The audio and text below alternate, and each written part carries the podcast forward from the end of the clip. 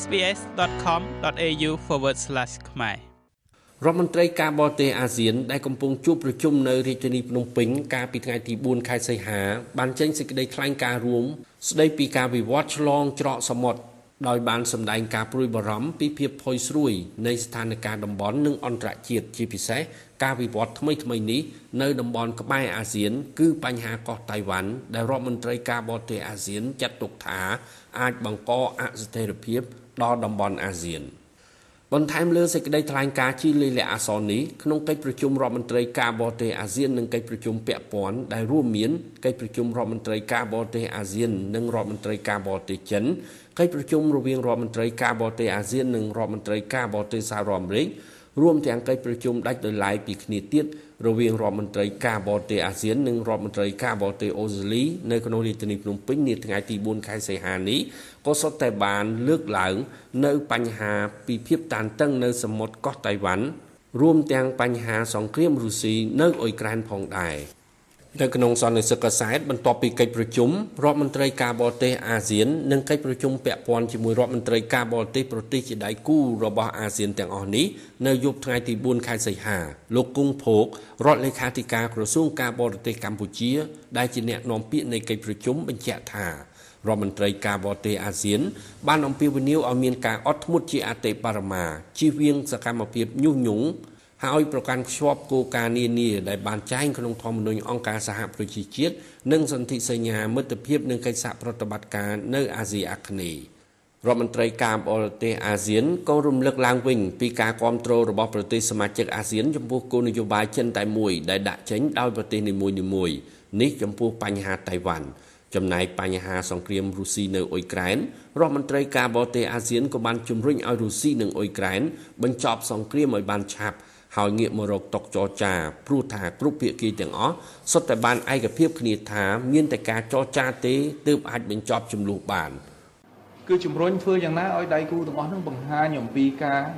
ទទួលស្គាល់ក៏ដូចជាការអនុវត្តឲ្យបានពេញលេញនៅគោលការណ៍ហើយនិងឯកសារសំខាន់សំខាន់ដែលពួកគាត់បានយល់ស្របទៅហើយអញ្ចឹងសម្រាប់យើងគឺដូចនៅក្នុងសេចក្តីថ្លែងការណ៍របស់អឺអាស៊ានមិនមែនតែយើងសូម្បីនៅក្នុងអាស៊ានក៏គាត់ទទួលស្គាល់ទាំងអស់គ្នាថាគោរពគោលការណ៍ចិនតែមួយ នៅក្នុងកម្មវិធីបើកសហរដ្ឋអាមេរិកគោបានប្រកាសដែរថាគាត់គោគោរពគោលការណ៍ចិនតែមួយដូចគ្នាដែរអញ្ចឹងខ្ញុំគិតថាបើសិនជាទាំងអស់គ្នាគោរពគោលការណ៍ចិនតែមួយឲ្យបានពេញលេញស្ថានភាពនៅ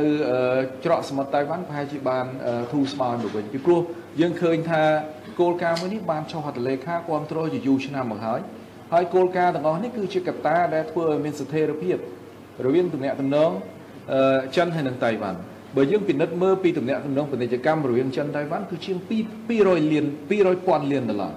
ក្នុងរយៈពេលប្រហែលឆ្នាំចុងក្រោយនេះអញ្ចឹងបានន័យថាទំនាក់ទំនងសេដ្ឋកិច្ចរបស់គាត់ស៊ីជម្រៅហើយប្រជាជនក៏មានការចុះឡើងទៅវិញទៅមកជាការធ្វើទេសចរក៏ដូចជាការរស់ស៊ីផ្សេងផ្សេងដែរអញ្ចឹងកន្លែងនេះខ្ញុំគ្រាន់តែចង់សង្កត់ធ្ងន់ថាគោលការណ៍យើងមានហើយឯកសារនិងកិច្ចព្រមព្រៀងផ្សេងផ្សេងទៀតក៏មានដែរដែលឯកសារនិងកិច្ចព្រមព្រៀងនិងគោលការណ៍របស់នេះគឺជាកត្តា ធ្វើឲ្យមានស្ថិរភាពនៅក្នុងទំនាក់ទំនងនេះអញ្ចឹងអ្វីដែលភាគីពាក់ព័ន្ធទាំងអស់គួរតែធ្វើគឺត្រូវតែគោរពគោលការណ៍នេះឲ្យបានខ្ជាប់ខ្ជួនហើយជាពិសេសពាក់ព័ន្ធជាមួយនឹងកម្ពុជាយើងបានបង្ហាញពីគោលជំហរនៅក្នុងសេចក្តីថ្លែងការណ៍របស់ក្រសួងការបរទេសក៏បានបញ្ជាក់យ៉ាងច្បាស់ដែរគឺពាក់ព័ន្ធជាមួយនឹងបញ្ហាហុងកុងទីបេហើយសិនជាងហើយនិងតៃវ៉ាន់គឺជាការងារផ្ទៃក្នុងរបស់ចិនអញ្ចឹងគឺជាសិទ្ធិអធិបតេយ្យរបស់ចិនក្នុងការសម្រេច ទី2ពាក់ព័ន្ធជាមួយនឹងរុស្ស៊ីគឺគាត់បានចំណាយពេលច្រើនដើម្បីពន្យល់យើងមូលហេតុទាំងឡាយដែលនាំទៅដល់សង្គ្រាមនៅអ៊ុយក្រែនអឺគោមិនបានជជែកថាតើ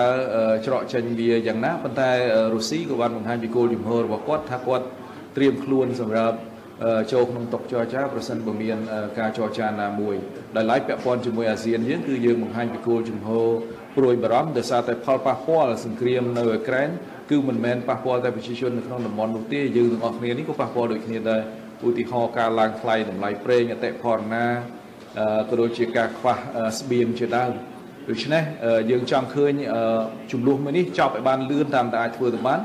ហើយអាស៊ានគឺត្រៀមខ្លួនរួចជាស្រេចបើសិនបើគាត់មើលឃើញថាវេទិការបស់យើងមានប្រយោជន៍សម្រាប់គាត់ក្នុងការស្វែងរកដំណោះស្រាយទៅក្នុងរឿងនេះ សូមរំលឹកថារដ្ឋមន្ត្រីការបរទេសប្រទេសមហាអំណាចកម្ពុជាកម្ពុជារួមមានចិនរុស្ស៊ីអាមេរិកនិងប្រទេសជាច្រើនទៀតបានមកចូលរួមកិច្ចប្រជុំជាមួយរដ្ឋមន្ត្រីការបរទេសអាស៊ាន និងកិច្ចប្រជុំពាក់ព័ន្ធជាច្រើនទៀតនៅថ្ងៃទី4ខែសីហានៅកម្ពុជា នៅថ្ងៃទី5ខែសីហានេះប្រមុខការទូតអាស៊ាន និងប្រទេសមហាអំណាចរួមទាំងដៃគូសន្តិនិកអាស៊ានសរុប38ប្រទេសត្រូវចូលរួមកិច្ចប្រជុំកម្ពុជាអាស៊ីបូព៌ានិងវេទិកាតំបន់អាស៊ាន កិច្ចប្រជុំទាំងពីរនេះនឹងមានការជជែកពិភាក្សាពាក់ព័ន្ធនឹងបញ្ហាសន្តិសុខស្បៀងអាហារការប្រែប្រួលអាកាសធាតុ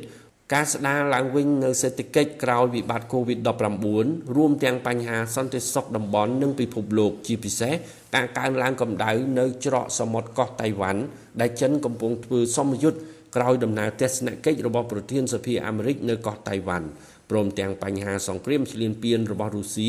នៅក្នុងប្រទេសអ៊ុយក្រែនជាដើម ខ្ញុំម៉េងផល្លា SBS ខ្មែររាយការណ៍ពីរាជធានីភ្នំពេញ